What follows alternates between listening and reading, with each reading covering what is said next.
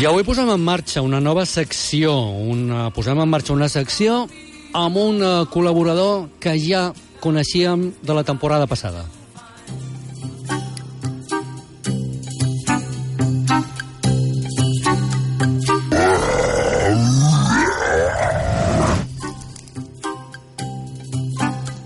Què ha estat això?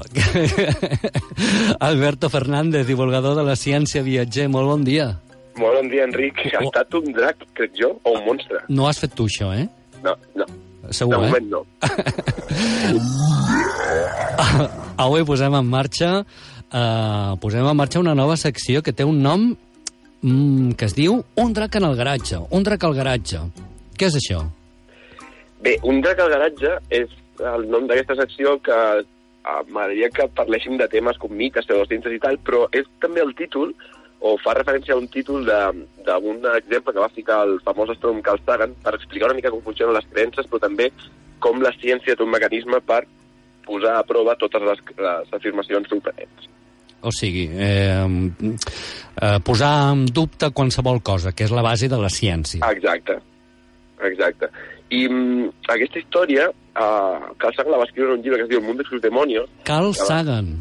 Carl Sagan, el gran divulgador científic, el va escriure un llibre que es diu El mundo de sus demonios, que crec que va ser el llibre pòstum, um, i va ser un llibre que deixava, com ell ho deia a la, a la introducció, com a, a la humanitat una mica amb les pors que tenia respecte al, al, a com estaven avançant les pseudociències i les creences irracionals i a més. I aquesta història deia alguna així com...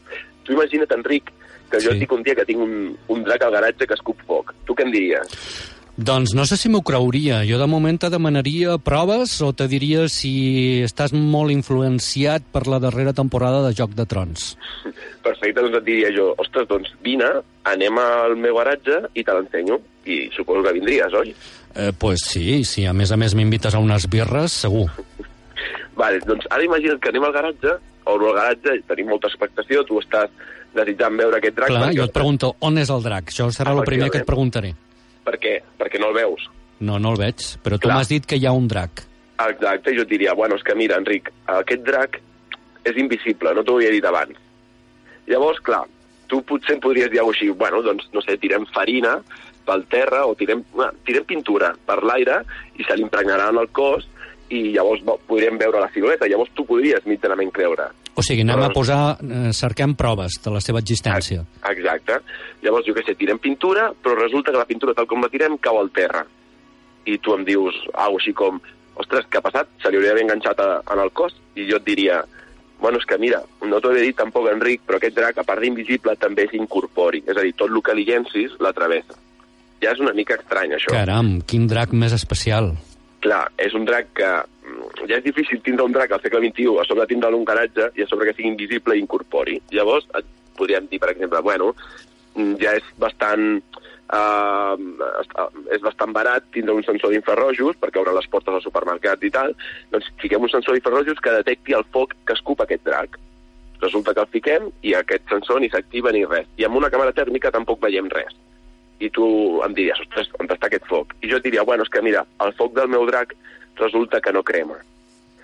Vaja, doncs no sé, fem que voli, tirem farina pel terra, fem que voli, i, i així quan mogui les ales veurem com es mou la farina i podrem intuir que hi ha alguna cosa que està volant que és invisible, incorporada i tal. Però resulta que quan tirem farina, tu em dius, ai, jo et dic, està volant, i tu em dius... Ah, justament, Vale, està volant, clar, eh? però, però, no, però no veiem res.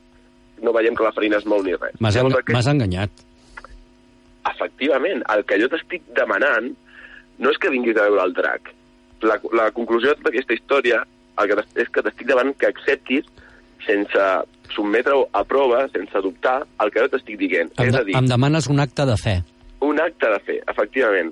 Resumint-ho molt, quina diferència hi ha entre un drac, suposant que hi ha dracs del segle XXI, un drac que uh, dorm en un garatge, que és invisible, incorpori, que el seu foc no crema, que mm, flota en l'aire amb un drac que simplement no existeix.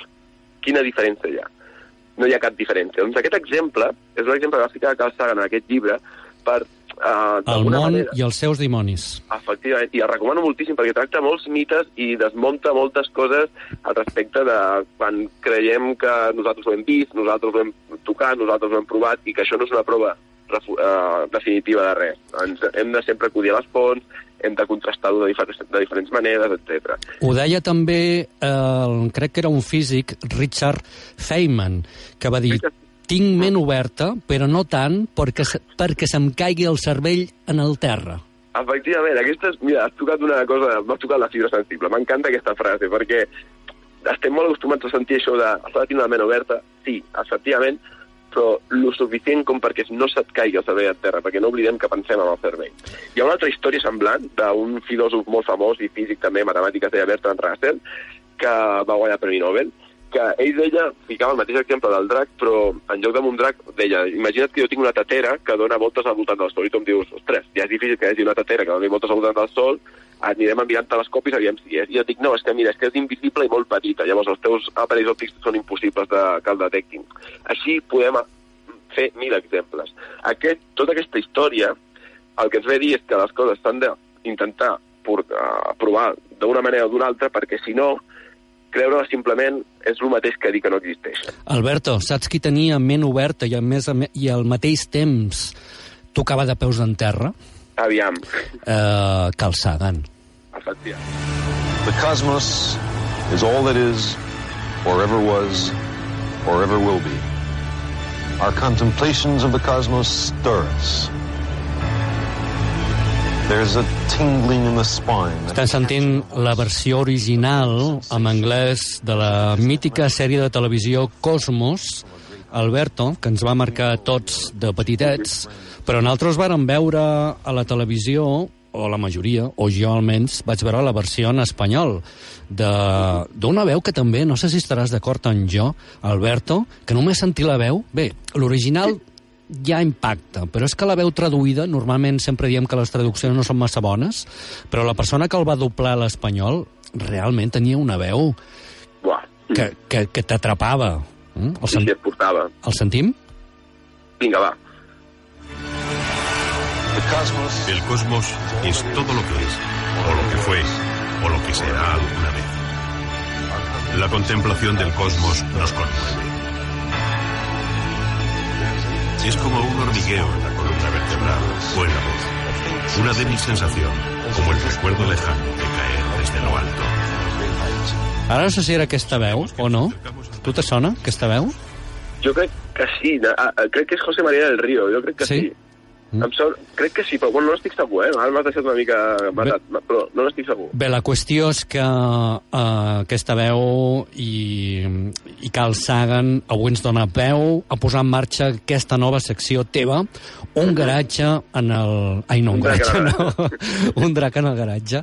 Un drac en el garatge que, bé, a més a més se'l coneix així, no? Com el, com se, que és una paradoxa, un mite o no? Una, això quin nom té? Quan es parla ja. de del... Sí, o sigui, que el, el fet que anomenem així és perquè parlarem, en aquesta secció parlarem, o m'agradaria que parléssim i, de, i desmuntéssim mites molt coneguts o que tenen un sentit, com per exemple, per dir algunes coses del que avançarem a aquesta temporada. Doncs uh, és veritat que utilitzem el 10% del cervell, que hi ha de ser en el tarot, que hi ha de ser, que hi ha de ser en, en l'horòscop, mm, existeix l'espiritisme, com va originar-se? Originar per què actualment ja no es veuen ovnis com abans?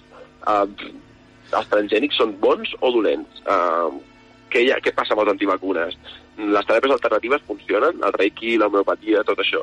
Parlarem moltes d'aquestes històries i intentarem explicar des del punt de vista racional i escèptic i, evidentment, uh, sempre amb la mà amb la, amb la ciència o ajudant-nos de la ciència per explicar què hi ha de fer en tot això i, i molt sovint ens portarem sorpreses. Alberto, una del... coseta més. Sí, sí, sí, digues. Ja, això dels dracs també té una referència molt maca i és que quan els cartògrafs del Renaixement reflexaven amb els mapes d'ones que no coneixien, sempre hi ficaven un lletreu que, ficava, que deia X un dracones, que significa aquí hi ha dracs. És a dir, sempre fiquem drac a lo desconegut. Alberto, que avui ha parlat com una locomotora, ens ha, ens ha explicat moltíssimes coses molt interessants en 10 minuts. Alberto, divulgador de ciència i viatger, un drac en el garatge, un plaer escoltar-te, company. En retrobem, Igualment. En, en retrobem d'aquí 15 dies. Perfecte, una abraçada a tots.